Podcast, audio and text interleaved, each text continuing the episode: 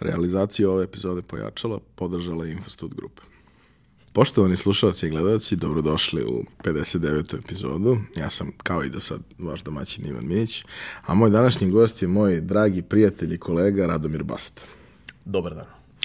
A, Radomira Bastu mnogi od vas verovatno prepoznaju kao direktora jedne firme koja je naj, da kažemo, vidljivija i najozbiljnija SEO agencija u, u zemlji.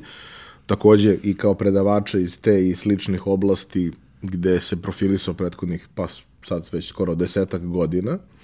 A takođe neki možda znaju, a neki možda i ne znaju, da je Radomir eh, jedan od osnivača nekada omiljenog sajta i profila na društvenim mrežama za, za mušku populaciju ovih nekih naših godina. žensku, i žensku. I žensku, dobro. Ovaj, Tarzanije. Um, kako uopšte, mislim, tvoj ulazak u SEO počinje pre osnivanja tvoje firme i svega Tako. toga, ali kako ti uopšte dolaziš u, u, u tu priču? Ono, čime si se ti bavio, šta ti je bio prvi posao? Da, a, pa priča je solidno suluda. A, meni je prvi posao posle faksa bio uvoženje čelika u Srbiju. Znači, radio sam jednu malu a, firmu iz Novog Sada koja je bukvalno radila tendere za NIS, nov kabel, uvozile su se ono stotine tona čeličnih cevi, užadi i gluposti i bukvalno ja sam bio jedina osoba u firmi koja je pričala engleski. A tad je moj engleski bio užasan. Uh, ali mislim, s obzirom na osobe s kojima se komunicirao, uglavnom se vozilo iz Kine, to je bilo sasvim okej. Okay. A, pored, pored jel te, komunikacije nalaženja tih partnera ili dobavljača, ja sam začuđujuće vodio deo knjiga, to jest radio sam knjigu izlaznih računa, ja osoba koja je položila računovodstvo na višoj poslovnoj 13. put. Tako da, to je bio neki prvi početak. Uh, mislim da sam bio nešto manje od dve godine i onda uletala svetska ekonomska kriza. Pale su poručbine i naravno ljudi su odlučili da a, smanje troškove u firmi i da otpuste jedinu osobu koja priča engleski u firmi koja se bavi uvozom. A, što je strava, zato što je moj sadašnji kolega Bogunović, jel te su osnivač Fordoca, a, u tom trenutku radio za Dejan SEO australijsku firmu sa kancelarijom u, u tom trenutku Inđi i njima je trebao uh, neko ko zna internet i priča engleski. I bukvalno bio sam nezaposlen 14 dana fazon. Uh, pozvali su me na razgovor i par dana posle toga javili da sam dobio posao i onda smo putovali tipa godinu dana za Indiju. Svaki dan ali to je bio ulaz u, u SEO, a, s tim što je opet suluda situacija. Ja se baš ne zalažem za, za visoko obrazovanje, jer realno promenio za sada pet ili šest firmi, niko me nikad nije pitao šta sam završio. A, u toj firmi, mislim, viša poslovna škola je realno sranje. Mislim, sranje. Škola je kao škola, super, dobio sam neku diplomu, ali dva ispita uh, na tom faksu su meni definisala moj poslovni život – prvi je bio to računovodstvo gde sam realno radio pola računovodstva u servis importu, toj maloj firmi. A drugi je web dizajn koji sam položio sa šesticom iz prvog puta, iako nisam nikad otvorio bilo kakvu knjigu ili nešto. To što sam ja položio web dizajn je meni dalo prednost u DNS SEO, zašto sam ja bio drugi lik u firmi koji zna HTML. I to me izdefinisalo kao technical SEO-a, što je danas od mene napravilo vrhunskog search engine optimizacije stručnjaka u našoj dragoj državi ili eventualno regionu. Um, DNS se već jako dugo provlači. To je vrlo onako stara, velika i ozbiljna priča. U pitanju je naš čovek uh -huh. koji je otišao tamo i na globalu je možda jedan od najvidljivijih ljudi u toj priči. Dejan je super lik, generalno, i Dejan je naučnik. On, mislim, Uh, DNSU je napredovo i dalje super firma, uh, zato što su oko njega ljudi koji su biznismeni. On čovjek voli SEO, voli da provoli kako nešto radi i njegova testiranja, analize i zaključci su gomilu stvari u industriji izdefinisali. Mislim, četiri od četiri su osnivača Ford Oca su radili u DNSio u nekom trenutku, stvari radili su svi zajedno u jednom trenutku. Tako da, uh, bukvalno to što sam naučio SEO mogu da zahvalim Dejanu i generalno i dan danas uh, i njegovi blog postovi i razne stvari i predavanja su ekstremno interesantni jer upravo taj način na koji on secira to uopšte nije klasičan pristup svemu Tako tome, već baš kao što si sad rekao, ono, inženjerski na, naučni pristup svemu tome gde ono, postupno ostaviš emocije sa strane, uzmeš i seciraš gomilu nekakvih podataka, doneseš zaključke i to radi, jer sa druge strane isto nekakav robot koji nema emocije, koji radi bazirano na nekim brojevima. Koliko god Google algoritam bio pametan i dalje, to samo glupi algoritam. Um, kako je izgledao taj, taj rad u DNSEO? Šta je, da kažem, prvi trenutak ono, ulaziš u celu priču, znaš HTML, znaš engleski, radio se s kinom, ludilo, idemo. Uh, kako izgleda ono kao tvoj ulazak u celu priču i šta se u tom trenutku Uh, šta se u tom trenutku dešava, jer bih volao da napravimo neku paralelu kako se SEO menjao kroz vreme. Uh -huh. uh, pa prvo što se tiče samih tehnika SEO-a, to, mislim, SEO je generalno mlada industrija, ali je veoma agresivno baš zato što se menja konstantno. Znači, linkovi koje smo mi pravili u nekom trenutku bi sada sigurno doveli sajt do penala zato što u SEO svetu imamo dva neprijatelja, to su developeri i indijci. Developeri zato što da bi sebi uštedili 3 sekunde usaru nama 6 meseci SEO kampanje, a indijci zato što kada skontamo da je nešto ozbiljan ranking signal, nešto će nam pomoći da rangiramo naš sajt naspram konkurencije, to se koristi pametno, onako na kašičicu, da se to ne provali i onda skontaju indijci i ulete džonom i razvale sve i onda Google skonta da smo mi skontali i onda se malo update algoritam, zapuši se rupa i onda moraš da tražiš novi način da, da budeš bolji od konkurencije. U tom trenutku uh, linkovi su se pravili bukvalno kroz direktorijume, nalaženje sajta gde možeš brzinski da submituješ i kroz uh, razmene linkova. Znači ti imaš sajt, ja imam sajt, ja imam klijenta, ti postaviš klijentov link na svoj sajt, a ja postavim link do tvog sajta kod mene i onda je to neki three-way exchange koji Google nije mogao da provali. Ali se trgovalo sa linkovima preko domain ranka, to jest eh, page ranka, izvinjavam se. A, Google metrike koje nam je Google davao na, na izvolite preko toolbara u Chromu i onda su kontali da postoji celo tržište. Znači, za moj page rank 5 sajt ti meni daš 7 page rank 2 ili 3 i onda se vrtela ogromna količina keša a realno svaki euro koji ode u SEO kampanju je euro koji ne ode u Google search kampanju. Samim tim Google nas je uh, prvo blokirao time što su sakrili tu metriku i dalje ona postoji, ali jednostavno uh, ne možemo do, dođemo do nje i onda je počeo da se menja. Uh, linkovi su počeli da prelaze u in content, guest postovi koji danas posle 7 godina i dalje rade na isti način. Uh, igra se promenila, ljudi koji su se prilagodili, prilagodili su se, indici koji nisu se prilagodili, umrli su od gladi. U suštini, e, samo su stvari iz iteracije u iteraciju sve komplikovanije.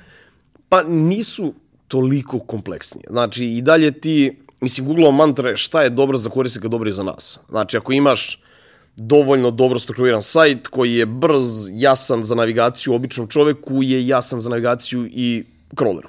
Znači, taj deo se ne menja. Samo, ok, dodaju neke dodatne metrike, UX, vreme na stranici, scrollovanje. Mislim, sve to, ako si napravio dobar sajt koji stvarno funkcioniš onako kako si ti zamislio, to je već dobra stvar.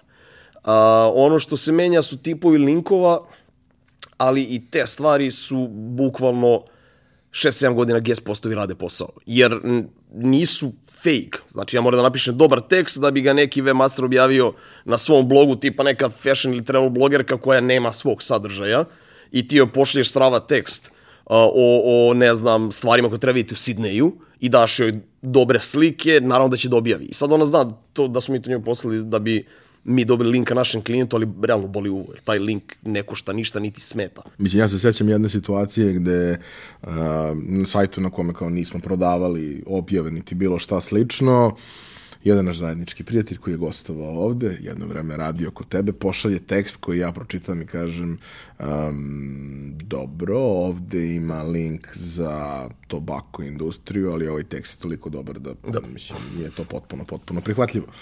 Da. Uh, mislim, to je način da se dobiju dobri linkovi, a opet uh, je realno prirodan način dobijanja linkova. E sad, to što mi možemo da manipulišemo enkor tekstovima, lokacijama, gde će taj link da vodi i tako dalje, to su već stvari koje ti pomažu da se malo diferenciraš od konkurencije. Uh, ima različiti, ziliona različitih načina da se linkovi naprave. Uh, neki od popularnijih su bili u jednom trenutku scholarshipi da tvoj klijent, mislim klijent, ti, nebitno ko, uh, napravi stranicu, ne znam, dajemo stipendiju od 4000 eura random izabranom studentu na nekom univerzitetu. I to pošliš svim fakultetima i svi fakulteti izlistaju to na svom sajtu jer kao super, eto šansa. I svi ti sajtuju linkuju ka tvojoj stranici. I ti dobiješ 15 .edu domena koji su generalno strava i onda klijent ispadne slepac i stvarno ne da tu stipendiju i još je gore obriše tu stranicu i redirektuje na homepage, recimo. I to su, mislim, zbog takvih stvari, super tehnike link buildinga više nisu viable, ne rade posao, zato što Google je počeo da penalizuje kad je skontao da to što se radi nije cool. I neki klinci su ostali bez 4000 eura. Da pojednostavimo, dakle, rangiranje na pretraživačima postoji sa jedne strane niz nekih kriterijuma koji se odnose na sam sajt, njegove karakteristike, brzinu učitavanja, e, kako funkcioniše sa mobilnim prenosnim uređajima, to je jedno, a sa druge strane to o čemu sada najviše i pričamo i što je u suštini najveći deo posla, jer ovo se jednom uradi i Tako je. tu i tamo malo se neka čačne kad nešto treba, a ovo drugo je kontinuirani proces.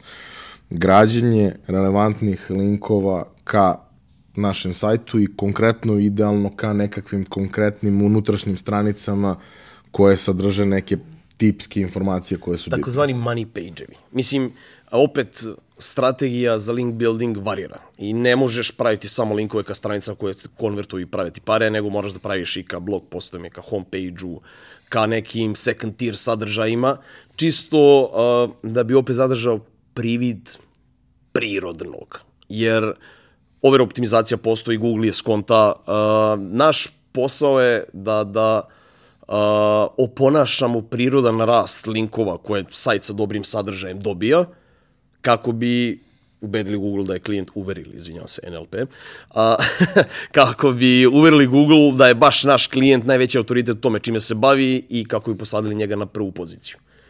A, nekad to nije lako, Google konstantno menja stvari. Imali su situaciju gde je naš klijent po svim merljivim parametrima SEO bolji nego konkurent. Znači, po svemu što smo mogli, znači, više linkova, bolji linkovi, brži sajt, sve, sve, sve je bilo bolje. Google je odlučio da će konkurenta da zadrži na prvoj poziciji. I ne postoji način da ti to promeniš. Ljudi u SEO koji ti prodaju, svi ste dobili bezbroj uh, mailova za tri meseca, prva pozicija i to, to su bukvalno bullshiti. To može da se desi, ali niko ne sme da ti potpiše zato što nije sve do SEO. Znači mi možemo da uradimo sve što treba, by the book, po budžetu, over deliverovati šta god, ali na kraju dana je to do Google-a, to je s Google-ovog algoritma da skonta, uvaži i na kraju dana dobiješ tu poziciju koju juriš.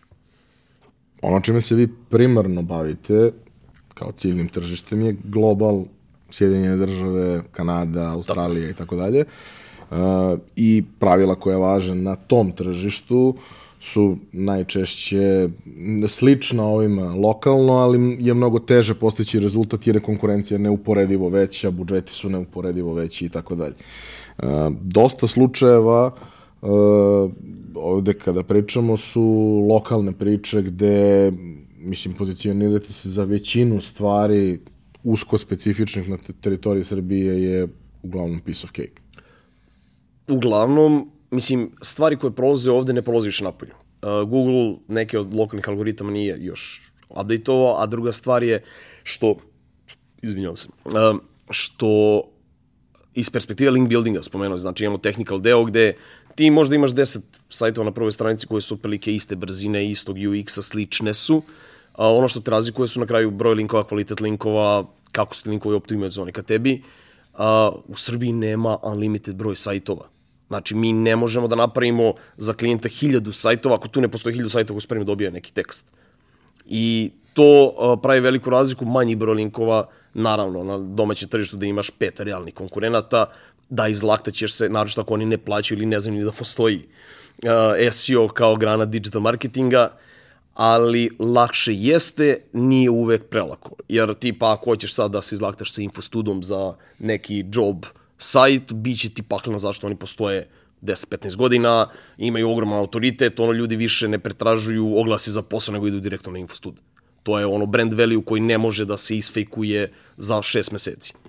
Tako da, lakše jeste, manje posla treba, realno i manje budžeta treba, ali nije uvek piece of cake. Uh, jedna od stvari koje pominješ je da u nekim situacijama uh, jedan od načina je da praviš um, dobar sadržaj, u nekim situacijama i vanserijski dobar sadržaj, mm -hmm. uh, sa ciljem da dobiješ nešto besplatno ili dobiješ po nekim uslovima koji su daleko povoljniji. Koliko je zapravo to teško? Pa, mi imamo nekih četrdesetak kontent saradnika, kojima je posao bukvalno da na mesečnom nivou izbace 1000 do 1300 tekstova koje će neko da objavi. To, ako je bullshit sadržaj, ljudi neće da čak i da im daš pare. A, teško je napraviti a, dobar sadržaj, ali a, takav sadržaj svakako se ne, ne šalješ nešto što si potrošio, ne znam, četiri nedelje piš, pisanja, ne šalješ to da bi dobio jedan link. To će dobiješ na klijentovom sajtu i onda da kroz druge tehnike juriš sajtove koji će potencijalno da linkuju ka tome. S jedne strane imamo sadržaj koji se proizvodi za klijenta, a s druge strane imamo sadržaj koji se proizvodi da bi se slao webmasterima koji ima za cilj samo da napravi taj link uh, ka klijentu ili eventualno ako je sajt baš dobar, da kroz taj link pošalje neki referral traffic. Uh, u kom trenutku krećete sa pričom sa Fordotsom? A, zašto osnivate svoju priču i ono, uvek kad osnuješ svoju priču, a dolaziš iz, iz već te industrije sa nekim iskustvom, uvek je to kao kako naći prve klijente, kako napraviti sistem održivim, na koji način ga onda skalirati, gde naći ljude koji ne postoje na da. tržištu. Da. A, to sa nepostojenjem ljudi na tržištu je činjenica. Znači, mislim da trenutno lupiću sa cifru, ali neka bude 60% SEO-a koji rade u Srbiji su ljudi koji su prošli kroz Fordoc. Jer nemaš odakle da ukradeš ljude. Znači, mi smo naše ljude morali da obučavamo od nule. Bukvalno je uslov bio da znaš da koristiš kompinet i da ti je dobar engleski. Uh, sad pomaže malo akademija sa tim, ali uh, počeli smo, mislim, kad, kad je Fordoc, kad se Fordoc zavrteo, a ja već nisam bio u DNSU, prešao sam iz Novog Sada za BG u Fastbridge tadašnji, sada Drive, jej. A, kolege, mislim da, da je tipa Milica bila na porod. Ne, jednostavno, a, družili smo se u, u, u Ford Ocu, nastavili smo se družiti posle, a, neko uvek tipa dobije imate, ne znam, drugar kao je, treba mi pomoć, super, Basta zna tehnika, ali ja znam da napravim link, aj mi pomozi je, dobili su neke pare, aj da ih razdelimo i tako dalje i tako dalje. Mi nismo tražili klijente. Znači, jednostavno ljudi su uh, nalazili nas što preko LinkedIna, što na, na preporuke. Imali smo uh, šok koji bi fazon ubio svaki ono želju za, za preduzetništvom lik s kojim smo prvim krenuli da radimo iz Amerike koji je kao slao tu neki posao, uh, par meseci strava i onda nas ispali za čak i sada solidno velike pare i samo nestane. I sad ti bi ono skenjar se što bi radio ovo ljudi nas varaju neće da nadaju pare. Ali jednostavno to je ono životno iskustvo koje te nauči kako malo bolje da hendlaš sve, ali to te ne, ljude ne sprečava da ti dan danas nasankaju i da ti plate za godinu i po ili ti ne plate nikada fazu. A, kad kažeš krenuli ste u to kao nešto što je part time, ljudi vas cimaju, pa kao ajde napravimo nešto, pa, ali relativno brzo to nešto poraslo na nešto malo ozbiljnije. E pa, jeste, prvo, uh, dobri smo bili u tome čime se bavimo, ljudi su dobijali vredno za pare koje su nam davali. naši partneri iz Australije počeli su bukvalno njih dvojice i naš četvoro ovde, da bi oni sad bili firma sa 40 plus, mi 60 plus zaposlenih. Jednostavno, oni su radili Strava Sales, mi smo ovde mogli da deliverujemo što god im je trebalo. Naravno, oni su kasnije hajrovali technical SEO-ove akaunte, na početku su sve to radili mi. Uh, super je njima, super nama, uh, naš kvalitet, uh, misli kao Srbije, kao outsourcing sredine je super dobar za cenu koja je mnogo jeftinija nego Zapad. Uh, naravno, jeftiniji su Indosi, Pakistanci, Filipinci, možda čak ponekad i Ukrajinci, ali jednostavno imamo benefite dobrog engleskog i, i vrednih pametnih ljudi, tako da uh, bilo je umereno lako i njima i nama da rastemo. U kom trenutku zapošljavate prve ljude koji se on kao time bave full time? Ko su ti ljudi? Uh, ne mogu da se setim da li je Dejan Tamar ili Nataša bio prvi full time for DOS zaposleni, ali je divna stvar što od Dejana, Tamara i Nataše. Nataša trenutno živi sad u Australiji, srećna je sa bebicama i sve ostalo, a Tamara i Dejan još uvek rade sa nama. Uh, jednostavno, količina posla je skočila toliko da fizički nije bilo uh, moguće da nas četvro pokrivamo i onda smo jednostavno krenuli da širimo scope koliko smo mogli da, ne scope u stvari, nego broj ljudi ko, da bi to ispratio. Mislim, mi smo konstantno bili u zaostatku sa brojem zaposlenih na konto rasta partnera, jer teško je skalirati uh, trenernu radnu snagu koju nemaš odakle da ukradeš. Nego moraš da prođeš 3 do 5 meseci obuke kako bi ti ljudi postali dobri juniori koje od dan danas su na pozicijama SEO menadžera, marketing menadžera. Svi su oni prolazili bukvalno trening od uh, nule i to veoma često direktno sa faksa. Tako da... A, kad kažeš, a, ono, prolazili su nekakvu obuku, imali su svoj neki razvojni put, kako izgleda razvojni put neko ko se odluči da uđe u SEO? Uh, pa sad iz naše perspektive mi smo ljude uglavnom uh, obučavali za link building, jer to nam je bio glavni, mislim to nam je i dalje jedan od glavnih proizvoda koje uh, prodajemo partnerima. Uh, to nije glamurozan posao. Znači, link building je težak... Rudarski. Rudarski posao. Uh, nalazi prospekte, kontaktiraj, cimaj se, neko ti obeća da će objaviti tekst, ne objavi, nije sve, znači svaki posao gde nije sve do tebe je frustrirajući zato što uradio sve što treba da uradiš, a na kraju dana nisi dobio rezultat koji uh, treba i pošto se mi komitujemo partnerima na tačne cifre linkova koje poruče i slično, a ljudi koji dobiju tasku moraju da deliveruju te cifre i onda imaš još dodatni pritisak kraje meseca, tebi fali još par linkova i tako dalje i tako dalje i uh, lifetime link buildera nije uvek dugačak. Imali smo situacije gde ljudi se iscimaju, dobiju posao koji su jedva čekali ono kao vuku nas za rukav da, da, da dođu uopšte na, na intervju i posle dve nedelje daju otkaz jer kao to nije ono što sam ja zamislio. Ja to iskreno razumem. Jednostavno, a, a, težak je posao, ali je odlična osnova za ostatak SEO-a jer moraš da skontaš sadržaj, zašto ga pišeš, kako ga optimizuješ, zašto radiš linkove koje radiš i onda na tu bazu možda nadogradiš dalje tehnički deo, content i tako dalje i tako dalje. U kom trenutku krećete da razvijate ostale stvari u okviru firme? Znači, vi danas imate nekoliko alata, imate akademiju koja je super i za recruiting, tako a je. i za osposobljavanje ljudi koji posto mogu da rade i samostalno i kod drugih. Tako, tako je. Uh, mislim, mi sad teorijski imamo četiri segmenta firme. Imamo naš, mislim, mi smo sad već skoro full digital agencija, skoro full zato što ne nudimo community management koji se ja zarekao da nikad nećemo da prodajemo, zašto sam ja radio godinu i po dana i to je posao koji ne želim da moje drage kolege rade. I ja sam se zarekao i... da. A, znači, skoro full digital. A, imamo drugi deo koji je white label, deo gde radimo sa partnerima. Imamo deo sa našim softverima koji su inicijalno napravljeni kao in-house rešenja koje su nam podigla produktivnost nemerljivo uh, i ulupali gomile, gomile para u to, koje se ne vraćaju još uvek, ali vratit će se. i kako se zove četvrti segment je akademija. Mislim, ovo je, imali smo test klasu za, za bukvalno projekt, obuka se zove osnove SEO-a i praktični link building. Znači, ja predajem u, u DCI-u za njih šest i po godina. To je super za ljude koji žele da dobiju teorijsko znanje, da razumiju šta je SEO, kako će neko probati da te zajebe fazon, ako ne znaš šta je SEO.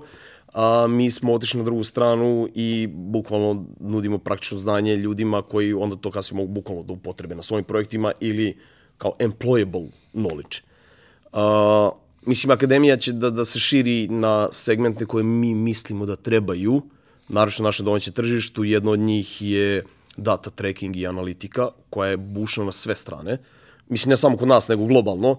Ljudi zalepe analitika kod i misle da su sredili sve. I onda ima divna rečenica koju mi prodajemo kao basic health, up, health check-up ili eventualno full setup on-site, in-app, trekovanje, svega ostalo kao a, bolje doneti biznis odluke bez ikakvih informacija, nego je doneti na konto pogrešnih podataka, jer kao ako su pogrešni podaci, brate, uvijek će ti biti pogrešna a, biznis odluka i to kada isprašaš klijentima klinicu. Ja, jer ako nemaš nikakve podatke, onda makar imaš gut instinkt Tako. koji da ga nemaš, ne da, bi radio da, da. to kako treba. Tako je. A, mi smo počeli da uvodimo druge marketing kanale, to jest usluge, bukvalno kad su klijenti počeli da traže. A, I ono što je činjenica da, pošto kao već smo izgradili reputaciju SEO agencije koja je dobra u tome, a, bilo bi jako glupo da tu reputaciju zdrobimo tako što ćemo početi da nudimo tipa paid advertising usluge sa sranje kvalitetom. I onda smo bukvalno počeli da, da, da širimo skop usluga a, prosto kada smo nalazili dobre ljude koje možemo od nekuda dovučemo kod nas. A, trenutno naš beogradski kanc je prepun seniora u svim granama digitala i to je divna stvar. Zato... Ergela. Da. Ergela jednorog. Nemoj moliti. a, ali da, jednostavno a, a, a, kako je potreba se pojavljivala, tako smo je mi popunjavali, nismo išli a, ne znam koliko unapred sa planovima, a, ja sam poznat po tome da sam užasan menadžer i još gori business owner, A, kod nas, barem sa moje strane, je sve freestyle, nema nešto previše biznis planova, trogodišnjih, petogodišnjih, jer prvenstveno svi dolazimo iz SEO-a kao a, backgrounda koji se toliko brzo menja da ono strategija na godinu dana može da bude posle šest meseci neupotrebljiva. Tako nam je bilo i do sada, znači bez nekih previše čvrstih planova mogli smo da se prilagođavamo situacijama kako se dešavale i zato smo danas tu gde jesmo. A, a kaži mi, mislim, u nekom trenutku, dakle, vi postajete lokalno veoma vidljivi, to baš i nije bilo preterano teško, jer generalno nisu postojale i sad nisu baš česte firme koje se bave time na nekom advanced nivou. Postoje pojedinci koji su vidljivi, postoje pojedinci koji su možda specijalizovani za nešto Tako. što je super, ali kao pojedinac i dalje može da podnese količinu posla koja je relativno mala. I od nje, pošto je takva industrija, može sasvim lepo da živi, ali bilo šta što je zahtevnije, obimnije, najčešće izlazi iz okvira onoga što, što može da uradi. Sad, pojavljate se vi, generalno, relativno brzo, svi veliki, ozbiljni klijenti koji lokalno razmišljaju o tome, ulaze u neku priču sa vama. Koliko vama uopšte ta činjenica da ste jako dobro pozicionirani na srpskom tržištu, možda i na nekom regionalnom, ajde da kažemo, znači u poslu, a koliko je to samo teret? Uh, pa, mislim, prvo, ta vidljivost koju mi jesmo postigli u nekom trenutku, da, prvo, nema previše firmi koje se bave time. A, druga stvar, ja sam se cimao kao konj po predavanjima, blogomanijama i slično, gde jednostavno to je iscrpljujuće, je stres, ali uh, kroz sva ta pojavljivanja i lična reputacija i reputacija firme je rasla. A, nama sad to nije, nije teret, naravno. A, ono zašto to pomaže je više kod hiringa nego kod ne znam kakve akvizicije lokalnih klijenata. Radimo sa lokalnim klijentima, neki su nam veoma dragi, sarađujemo godinama. A, ali jednostavno ljudi koji recimo, bave se paid na Googleu, Facebooku, nebitno, žele da šire svoje znanje i čak i da su najbolji u tome u Srbiji, Uh, ako nemaš gde da odeš i naučiš nešto novo, neki dodatni kanal ili ne moraš da speciališ u njemu, ali možeš barem da razviješ neko dodatno uh, znanje, će pre doći kod nas nego u neku agenciju gde će biti najpametniji i čim dođeš tamo nemaš više od, od koga da učiš, nego si u fazonu tebe se očekuje da deliveruješ. Uh, ne znam, isplatilo se cimati, nije lako, Uh, inicijalni klijenti su dolazili bukvalno tako što smo radili pro bono consultinge, ono, cimate neko, jel možda pomogneš, naravno da mogu da pomognem, kao i imam vremena, uh, što se kasnije a, a, a, a, prelivalo u paid klijente, znači bukvalno a, a, kad neko pita kao kako da, da, da razvijem posao, kao budi dobar čovjek. Znači, pomozi ljudima kad možda pomogneš, ne zato što će se vratiti, ali verovatno hoće. Na Neminovno način. hoće, ako, ako ono, ne praviš uh, kost analizu svake stvari koju si uradio, u nekom trenutku desit će se nešto što će ti opravdati sve što si, što si ulagao. Tako je. Nemoj da prosto ono, brineš o tome, nemoj da podiš evidenciju, nego uradi to zašto tako treba i desit će se dobre stvari. Um, jedna stvar koja je opet karakteristična za tebe, kroz ovu celu priču i što si ti na globalu postao dosta vidljiviji, dosta radio negde na izgradnji svoje reputacije. Je li to bilo ciljano ili se desilo? Pa, mislim, sad kao kažem, ništa nije slučajno što radim, bullshit, totalni.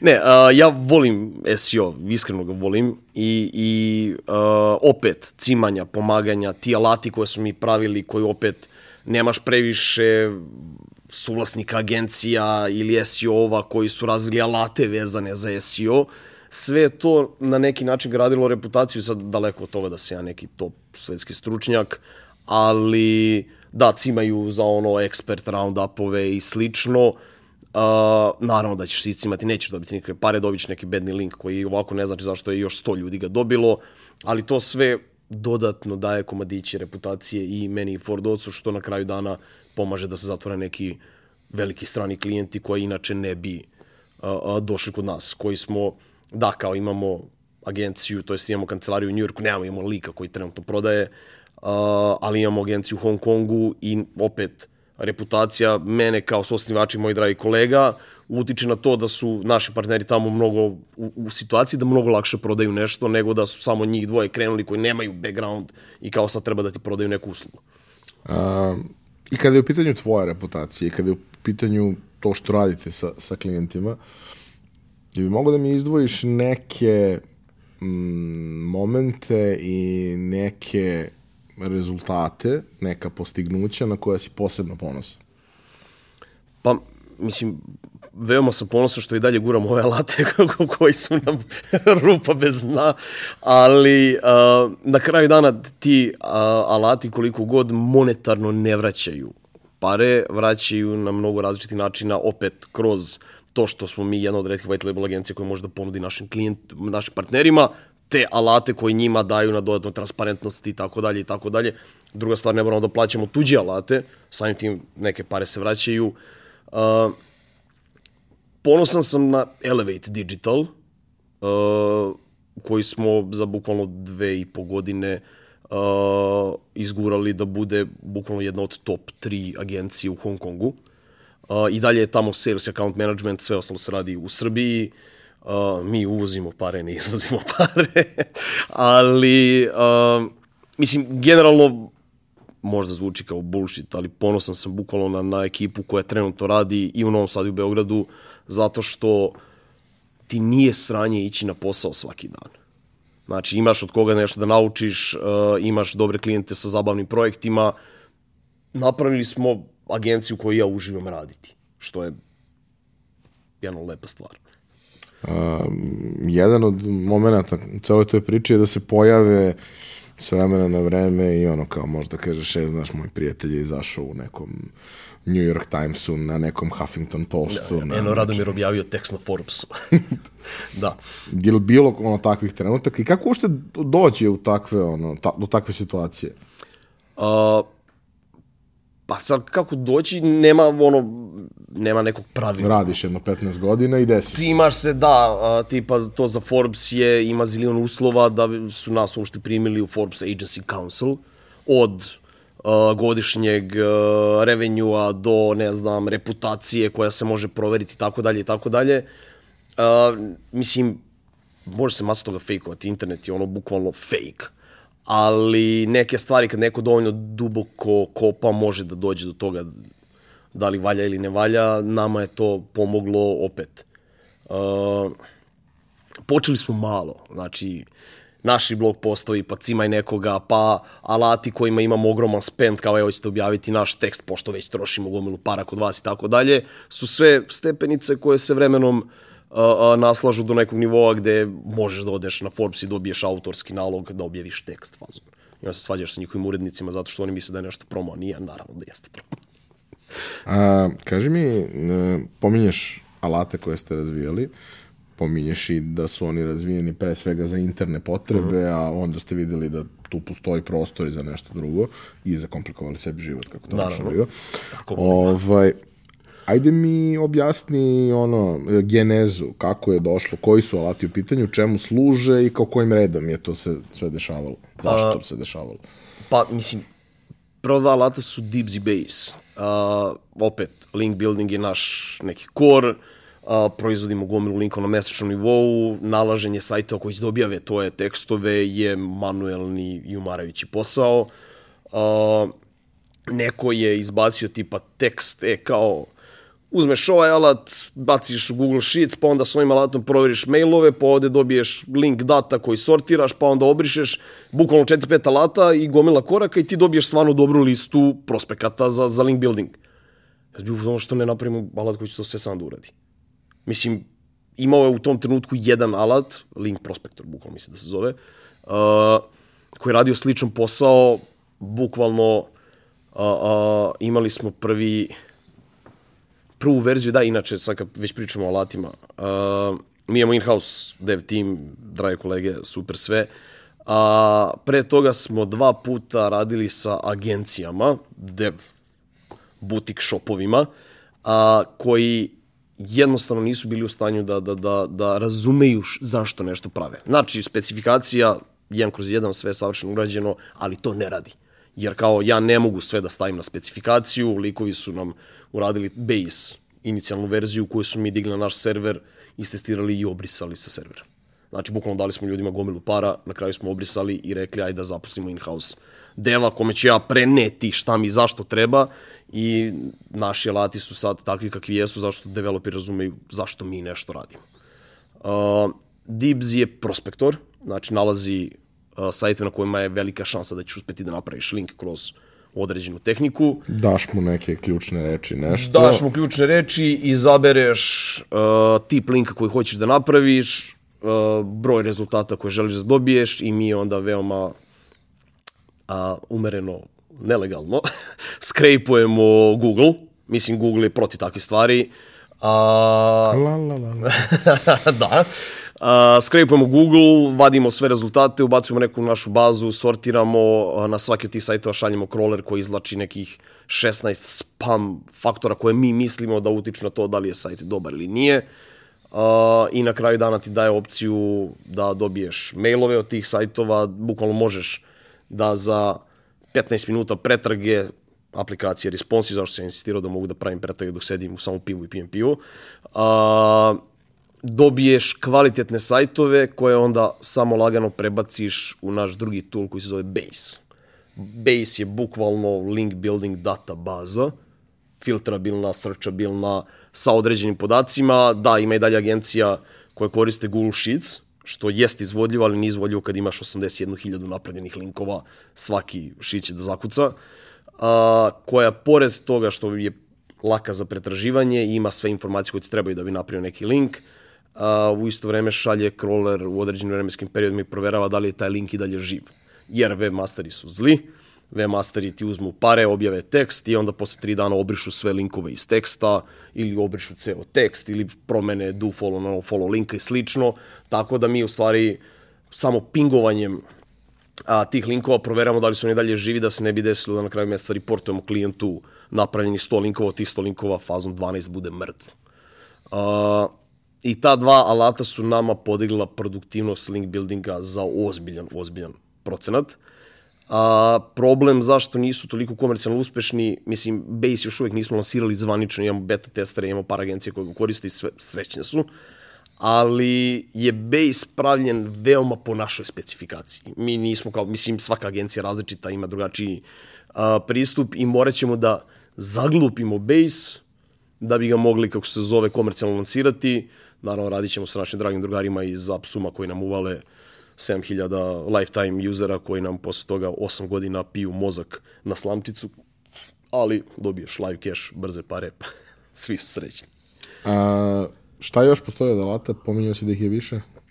A, postoji a, Reports, koji je u stvari komercijalno najuspešniji. A, radili smo, mislim, radio sam jel, u Dejanu, radio sam u Fastbridgeu, sad Ford. A, izveštaj klijentima je cimanje. Da bi napravio na kraju meseca, ne znam, klijenti plaća paid kampanju na Google i Facebooku, ti moraš da potrošiš sat vremena minimum, nekad dosta više, da bi povadio informacije iz Google Adsa, iz Facebooka, to spakovao neki Excel, pa ispisao PowerPoint prezentaciju, je vidite, ovo smo radili, ovo su rezultati, ovo je spend, ovo ste dobili. Uh, I jednostavno troši gomilu vremena.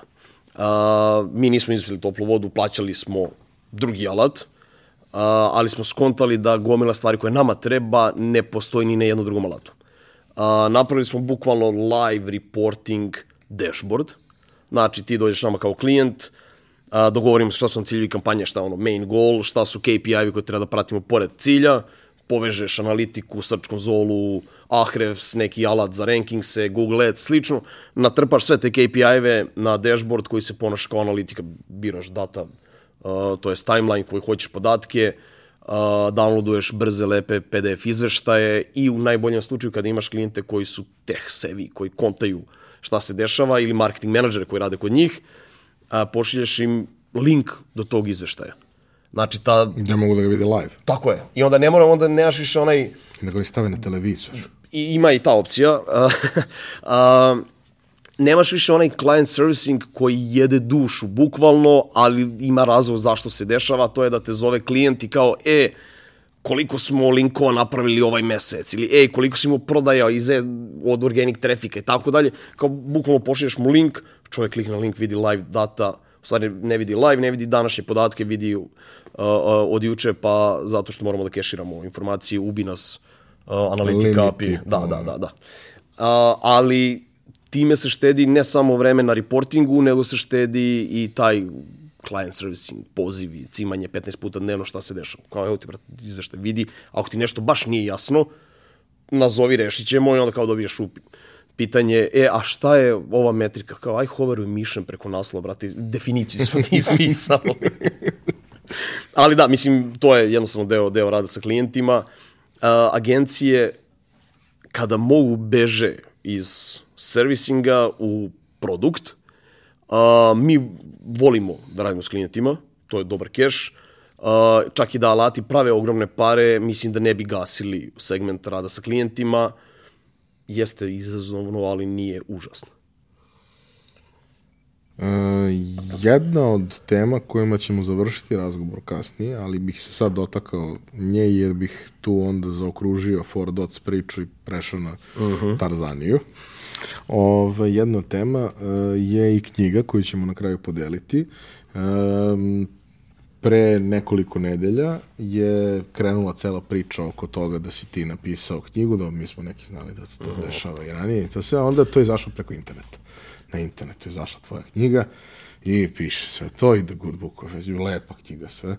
Ovaj, neki video sam i neki drže u ruci pa se slikaju sa njom, kao, kao na vinjak. Tako ovaj, je, tako fan je. strani, Da, vrlo, da, vrlo slično. Znači, Kolege su bile inspirisane jedan dan i dobro su se zecali. Bastina knjiga Around the World. Da. da. Ovaj, zašto knjiga, otkud knjiga, šta je knjiga? A, knjiga kao alat je još dodati način da se radi na brandingu i Radomira i Fordoca. A, gomila ljudi pravi i bukove koje realno niko nikad ne downloaduje ili pročita. Mi smo se iscimali da, da ovo bude malo zbiljnija priča. Trajala je bukvalno godinu i po ili dve. Znači, ima posla, ima peglanja, ima pisanja, ima rewritovanja, imaš ghostwritera koji ti piše dobar deo, ali je to samo meso koje nema ništa u sebi, samo blah. Uh, par meseci sedenja u samo pivu svako veče i, i dopisivanja, brisanja, ubacivanja činjenica i svega ostalo da bi to bio sadržaj koji će nekome da da neku vrednost. Uh, postoje SEO knjige, naravno gomila, uh, te knjige obično pokušavaju ljude da nauče SEO. Uh, SEO, kao što smo rekli, menja se na ono par meseci. Uh, nemoguće ga je naučiti kroz knjigu, mislim, barem je meni nemoguće. Uh, ja sam to gađao iz malo drugačijeg ugla, a to je da, otprilike kao predavanja na DCI-u, gde ja tebe ne mogu da naučim SEO, ali mogu da te naučim šta je SEO, koje su vrednosti, kako nešto radi unutar toga, a ne da bi ti to radio dalje, nego da bi razumeo kako radi i kako bi opet sprečili zle SEO agencije da te zajebu za tvoje pare. U suštini da te nauči da razmišljaš o tome na pravi Tako način, da razumeš. Da i... možeš teorijski, da možeš uh, dobro da radiš sa in-house SEO-ima ili sa nekom agencijom koju hajruješ. E sad, prelazimo na neformalni deo druženja. Uh, Tarzanija. Pričali smo sve vreme o nekakvom sadržaju. Pričali smo jedan deo vremena i o tom nekom vanserijskom sadržaju koji nastaje. Vanserijski sadržaj ima tu tendenciju da se spontano širi i ispunjava svaki slobodan prostor. Um, Tarzanija je priča koja je onako um, vrlo neobična od samog početka do toga u šta je danas ovaj, prerasla kroz druge pojavne oblike. Uh, ali ono što je meni bilo fascinantno od samog početka, ono, pojavilo se e, na internetu lokalnom koji konstantno kuburi sa kvalitetnim sadržajem za čitanje, za one koji hoće da čitaju. Znaš, ono, ljudi ne čitaju duge sadržaje. Ne, ne, ne. Ne, ne čitaju tvoje duge da, sadržaje, da, da. inače čitaju. Ovaj, ovde smo došli do tih nekih dosta obimnih, kabastih tekstova, u nekom nepreterano atraktivnom pakovanju nekakvog WordPressa koji je tu bio.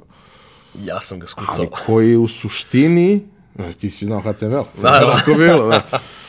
Ali u suštini dobiješ nešto što je potpuno nevjerovatan underground brand. Kako se to desilo? Ko, šta? Ko su ti ljudi? Ti ljudi su neki od najkreativnijih ljudi koje sam ja upoznao u životu. A, sa gomilom njih i dalje dragi drugari, mislim, jednostavno, Tarzan je sad u situaciju kako jeste zašto su autori odrasli. Bukvalno ne možeš više da Nema da pričaš. Nema ništa gore nego čovjek. Tako, užas. Uh, mislim, cela priča je nastala solidno slučajno. Kor ekipe je tada uh, blejao na Vukajli, ali Vukajli je samo po sebi solidno short form sadržaja. Uh, ideja je bila, pošto su svi, jel te, super kreativni pisci, uh, Uh, mislim da je Frenki došao kao evo ćemo da pravimo neki sajt, ne znam šta ćemo, kako ćemo, a na kraju se izvećalo da to bude a, da bude muški magazin, jer toga fali, a imaš piva, žilete, gluposti, kondome koji će se svi oglašavati tu, jer kao za Boga a, muški magazin nema ih. A, međutim, to je sve otišlo totalno užas. Kontra stranu od svih planova koji su bili. A, ali je činjen, mislim, niko nije zaradio pare od Tarzanije. Znači, svi smo lupali ogromne količine vremena i energije u taj projekat. A, niko nije zaradio pare, ali je Tarzanija meni direktno uticala na moj profesionalni život.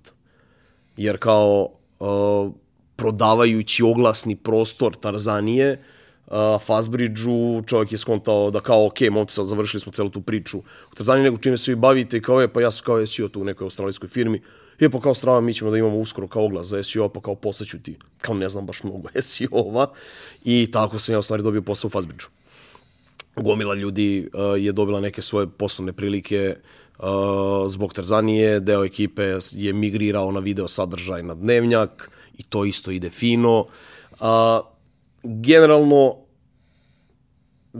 sadržaj bez cenzure na Tarzaniji je pomogao da Tarzanija bude fenomen pod znakovima navodnika, a, kakav jeste, ali u istom trenutku je nama zapečetila biznis priču Tarzanije. A, gospodin Aranđelović koji je tad radio u Directu je imao sastanak sa nama, mi napaljeni klinci kao brate, imamo ne znam 300.000 poseta mesečno, nema sajta kao što je naš, mi ćemo se namlatiti pare i dolazi vlada i kaže bukvalno, e klinci, nema tu para od toga. Brate, kako nema para, kao vi koliko imamo trafika, kao brate, niko neće da se oglašava na, na uh, sadržaju koji je dupe 2012 ili još neki mnogo užasniji naslovi, sami po sebi veoma opisni, ali to nas nije sprečilo da se piše od država i da se mi cijamo oko te prodaje. Na kraju dana Tarzanija je pravila neke parice koje su se delile među autorima, ali realno mislim da je možda Black neko vreme živeo od, od Tarzanije kao gloduri, kao community menadžeri, kao bukvalno sve, ali van toga te pare jednostavno nisu postojale. A kada imaš takvu količinu uh, kreativaca na jednom mestu, ali kreativaca koji su uh, potpuno nesputani, znači užasni u svakom smislu, kako izgleda uopšte ono kao organizovati celu priču, jer mislim da bi to imalo nekakvog smisla, to ipak mora da ima nekakav kontinuitet, ono, da se, da se neki red zna, da će biti svaki dan neki tekst ili svaki drugi ili jednom nedeljom da postoji nešto. Probali smo gomilu stvari, realno to nije bilo. Uh, imamo kolege koji, evo, bukvalno sad kad se sretnemo, kao, e, pišem tekst do vikenda. Mislim, to je bukvalno sad već interna zajebancija, jer uh, prvo ne možeš da nateraš kreativnost, bar, mislim, ja sam, imam verovatno najmanje tekstova na Tarzani, mislim, nisam ni, ni pisao, pisao toliko koliko sam se bavio sa insajtom i pokušajem da se proda nešto, ali je caka u stvari što je bilo dovoljno autora.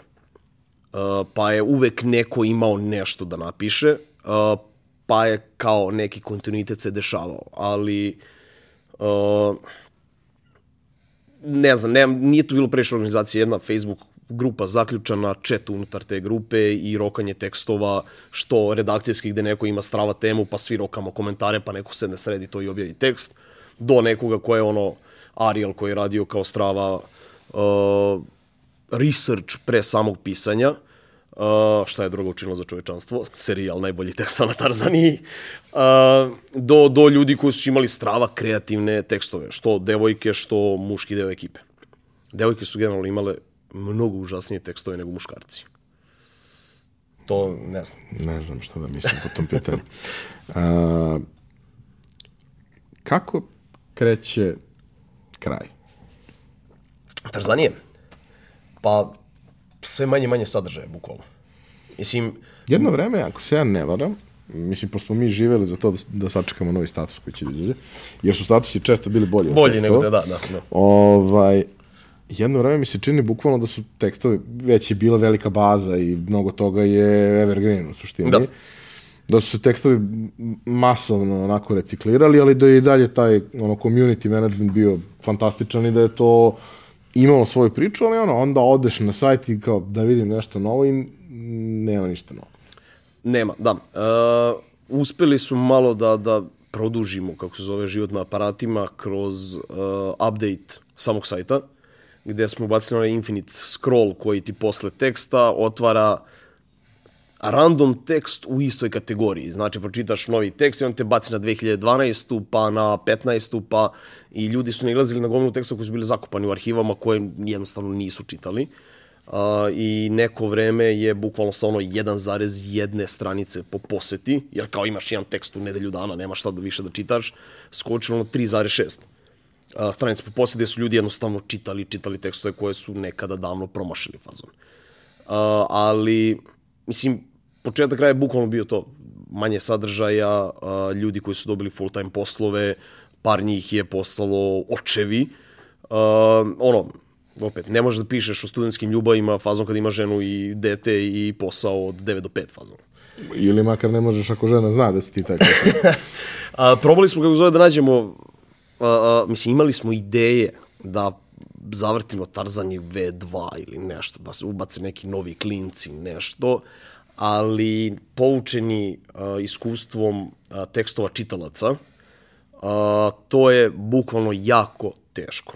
A, tekstovi čitalaca su obično bili ljudi koji su već opterećeni uspehom ili kvalitetom i kreativnošću stanovih autora, pa su to nadomešćavali sa, sa dodatnim uber vulgarnostima koje realno ako su misplaced, ne rade baš a, isti posao.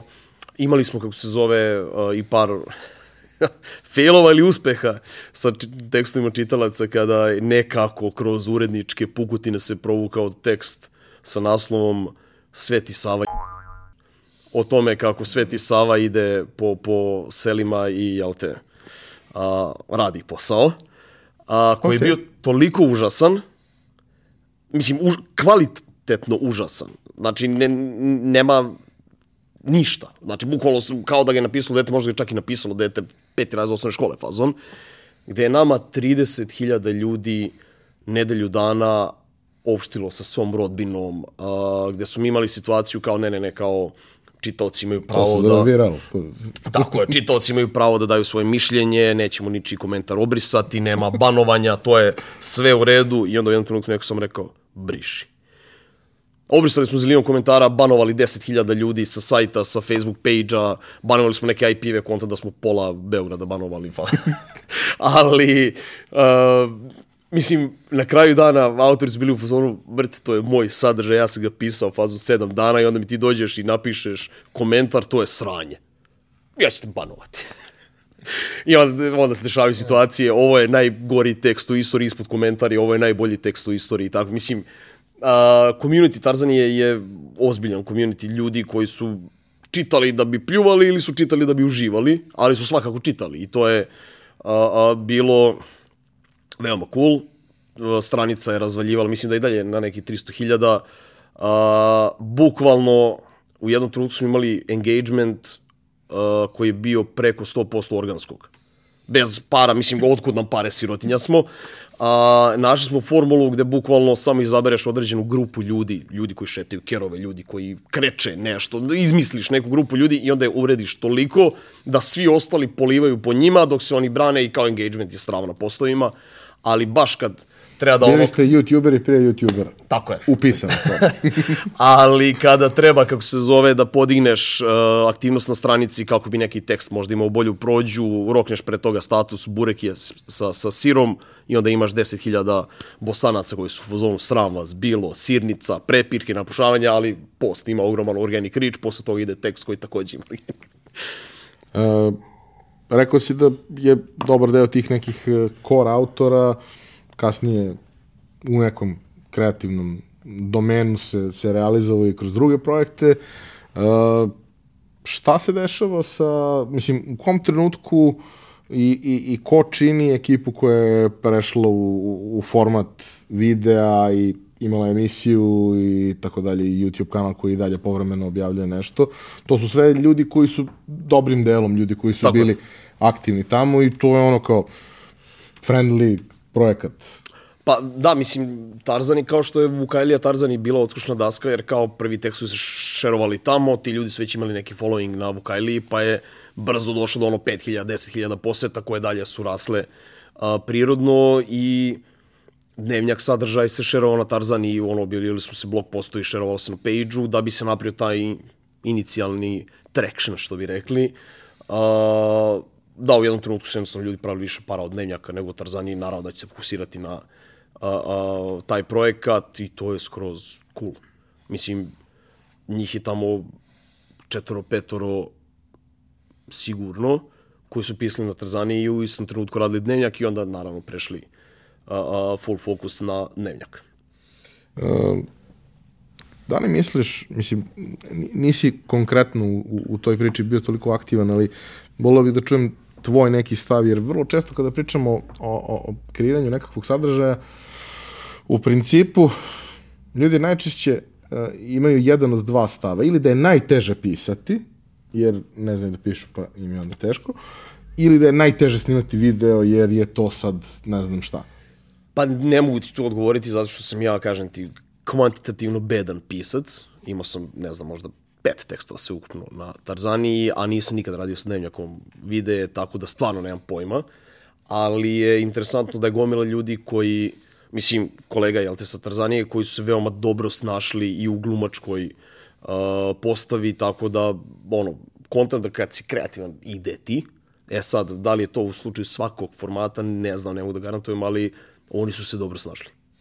Koliko uopšte, e, jedan od gosti ovde je naš zajednički prijatelj Aleksandar Rašković, ovaj, da, Volim Korak. Raškovića. Um, on je pričao ovde o fenomenu YouTube-a, YouTubera, o YouTube SEO-u. Uh, kada pričamo na te teme i kada pominjamo YouTube u tom nekom kontekstu, vrlo često ono, prva rečenica koja se kaže ok, Google je najveći pretraživač na svetu, YouTube je drugi najveći pretraživač na svetu. A, vaš posao je SEO za standardno pretraživanje, ali koliko ste uopšte, koliko primećuješ da je YouTube SEO postao značajan i koliko uopšte ono kao klijenti imaju svest o tome i imali upita, razmišljate li da uđete u tu priču? A, pa nismo zalazili, mislim, mi smo se više fokusirali na drugu stranu, a to je ASO, to jest uh, App Store optimizacije, a, jer gomila klijenata su u stvari appovi ili sasovi koji se takmiče na tom segmentu a, i ASO i YouTube SEO a, teorijski su jednostavnije verzije ovoga, jer imaš jednostavno manje... Da su prerano. A, pa da, ali imaš, imaš premalo segmenta koje možda optimizuješ na jednom tipa, na jednom videu naspram celog sajta koji je full dinamički, imaš servere, imaš uh, CDN-ove, imaš gomilu stvari sa kojima možeš da radiš, ovde imaš title, tagove, description, eventualno komentare, neke nešto. Nije, kako, a, trebalo bi da je lakše, ali je problem sa videom što je to skup format sadržaja i nema previše klijenata para da to gledaju kao baš kanal akvizicije. I kad imaju para nemaju kreativnosti da jure takve stvari. Jer kao video je random prosek video je još samo jedan od prosek videa na a, YouTube-u koji ti realno neće doneti value za te pare koje si ulupao da bi ga snimio, da li je to animirani, ilustrovani video ili je full glumci, slično, slično. Šta sam isto primetio kao, kao fenomen, opet, dotiče se ovoga, nije direktno vezan za sam SEO, ali sada, sada smo trenutno u podcastu. Dobro. Podcast je onako prilično ponovo negde emerging format. Primetio sam kao vrlo zanimljiv fenomen, ok, kao sve, sve to ljudi traže, uh, pomoćnike koji bi im pomogli oko toga, ljudi da, da im traže goste, da im traže sponzore za podcast i tako dalje. Ali šta sam primetio isto da se pojavilo i deluje mi kao vrlo zanimljiv uh, princip, a to je bukvalno varijanta tražiš ključ u ruke rešenje za tvoj biznis za podcast. Ti praviš neki SaaS, interno nemaš nikakve resurse da bilo što proizvedeš, tražiš zanimljivog hosta koji je i nekakav menadžer koji će da ti ključ u ruke da kontent koji ti hoćeš koji će da bude brendiran u tvoj podcast, ne da ti kao budeš sponsor njegovog nečega, nego on pravi tvoj podcast i daje ti to kao rešenje. Dobro. A, iskreno, nemamo previše iskustva sa, sa podcastima, naročito ne kao nekim kanalima za akviziciju. A, to može da bude, barem iz moje perspektive, neki dobar brand builder koji diže awareness tebe kao hosta proizvoda ili generalno kanala, ali ne znam koliko uh, koliko se isplati cimati, jer na kraju dana mi smo u performance biznisu gde ono izlačimo najveći return of invest za određene pare koje imamo na raspolaganju. Uh, ovo zahteva cimanja. Trud, ti sad moraš da sediš ovde sa mnom sat i po vremena, Pogreši čovjek. trošiš uh, gomilu uh, uh, energije i vremena da bi izvukao emisiju koju uh, ti moraš da promovišeš dalje. Jednostavno, pretrage za takve stvari ne znam koliko, posle da, možeš neko pretraživati kao Radomir, pa kao dobiti i ovu uh, epizodu, ali na kraju dana nisam siguran kako bi to najbolje leverageovao da neki klijent izvuče uh, neki, neku korist za akviziciju. Evo ti dve ideje. Mislim, vrlo konkretno na Sad našem... prodaješ ovo. ne, nego fascinantne su mi neke stvari vezane za, za podcaste. Ok, Mhm. mislim, mi smo tržište koje ne konzumira ništa što je audio, kod nas nema ni audio knjiga, da kažeš, Pazi, uozbiljnije uh, što se tiče audio, izvini što ti prekidam, što se tiče uh, audio formata određene informacije. A, generalno, najbolje, mislim, tekstovi koji najbolje prolaze su tekstovi koji u sebi imaju pisani sadržaj, a, koji imaju neki embedovani YouTube za ljude koji vole da, kom, da jednostavno konzumiraju video sadržaj, imaju ljude koji imaš audio zapis koji voziš, slušaš. A, što je više takvih različitih sadržaja, to je sama stranica bolje optimizovana iz korisničkog iskustva, samim tim donosi veću vrednost i Google i sam korisniku. Tako da, iz te perspektive, da, to će obogatiti sigurno kvalitetom uh, neku stranicu, ali i dalje ne znam kako bi izvukao maksimum. Lepa stvar sa formatom je što je u pitanju long form. Kad imaš long form, uh, ima mnogo toga što nakon toga možeš da repurposuješ. Uh -huh. Ima mnogo toga što možeš da izvučeš kao zanimljiv koristan citat, which is nice. I jedna stvar koju sam ja primetio na našem slučaju, nema mnogo podcasta, naročito long forme koji imaju transkript, mi ga imamo, uh, postoji ne mali broj ljudi koji čita pojačalo. Ja ne znam zašto bi neko čitao sat i po razgovora. Ok, može da ga pročita za manje od sat i po, da, da ali da, da. zašto bi neko čitao to ako može da sluša, posebno naši divni glasovi. Da. ovaj, ali zapravo dosta ljudi to radi. Ono što sam skapirao da je jedan od faktora zbog kojih ljudi možda malo više bave tim transkriptom, iako ga možda ne čitaju celog, je da nađe gde je nešto što njega zanima, pa onda otprilike klikne u, u samom aha, podcastu gde to može da bude na otprilike ko minutu. I to je negde razumljivo i okej okay mi, ali zapravo, iako je taj format izuzetno dug, postoji dosta ljudi koji ga čita. Znaš, to može da bude možda potencijalno to interesantno. Je, to je cool, samo što su mi to gledali, nikad taj projekat, nažalost, uh, nismo realizovali, a to je da klijentima, pored sadržaja koje im nudimo kao kontent koji će objaviti na, na samom sajtu, radimo i audio zapis tog sadržaja. Jer recimo ja radim, moram da kucam neke mailove, vidim strava tekst, ali vidim da ima 10.000 reči gde ću se usrti da ga pročitam, a nemam vremena da se fokusiram toliko na a, a, a, tu stranicu. Ja bih volao da mogu da pustim a, kako se zove to, naraciju tog sadržaja i da nastavim da radim to što me interesuje. Ali čak smo kupili mikrofon, kolega Bogunović je bio uh, naoštren da krene sa tim, nažalost nikad nismo radili ni jedan tekst u tom formatu, ali bi voleo da probam, čisto da vidim koliko ljudi bi, nisam to nailazio, uh, nisam nailazio na to ranije, kontent da bi određena populacija to na taj način konzumirala. To je opet super uh, uh, super forma sadržaja, daje ti opciju tebi kao čitaocu, super tebi, super Google. A nije loše ni za upsell. Tako je. Ono što mogu da ti kažem, kada pričamo o engleskom jeziku, zapravo text-to-speech engine mm, mogu da budu vrlo prihvatljivo rešenje. Čak i na srpskom, ovo što radi ekipa uh, sa aud, audio laboratorije, mislim dobro. na FTNU, čak i to na srpskom je zapanjujuće dobro.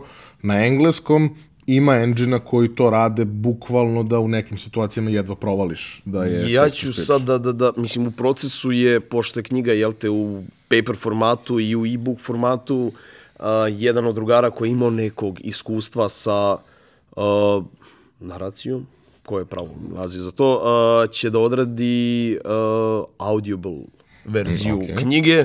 Mislim, prvo da dignemo i tu verziju na Amazon, jer zašto ne? A drugo hoću da vidim kako to sve zvuči zato što potencijalno neke ozbiljne sadržaje koje, na koje ulupaš stvarno gomilu vremena, uh, bilo bi cool da prebacimo i u voice format, jer opet zašto ne, naročito ako je cena prihvatljiva i plus dobiješ dodatno nešto ti kažeš uh, upsell ako smo klijentu prodali nešto za XY, ako mu uz to doma i audio zapis tog dela, zašto ne bi to mogu da dignu na YouTube, pokriju uh, tipa neke pretrage na YouTube-u, daju svojim menadžerima koji će biti pff, svaka čast. I gomilu tog sadržaja mogu da repropisuju za je. social, Tako za je. šta god. E pa dobro, Radomir, lepo se mi ispričao smo. Apsolutno. A, e sad, pošto smo pominjali toliko tu knjigu, knjiga je ovde mnogo je lepa. Pogledajte koliko je lepa, knjiga ima zemlja na njoj.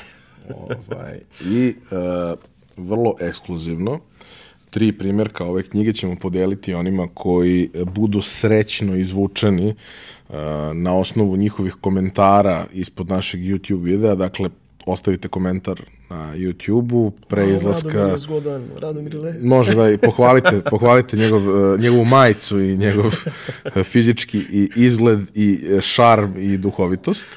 Uh, šalu na stranu, znači komentari na YouTube-u, pre izlaska naredne epizode ćemo izvući tri veoma, veoma, veoma srećna dobitnika. Ja ću sad da nateram ovaj, kad završimo snimanje čoveka da potpiše Znao knjigu, jer što ne bi potpisao knjigu, što ne bi bilo još vrednije jednog dana kad bude izašla druga, Kada treća, umre četvrta. Dobro, nećemo baš na tu stranu.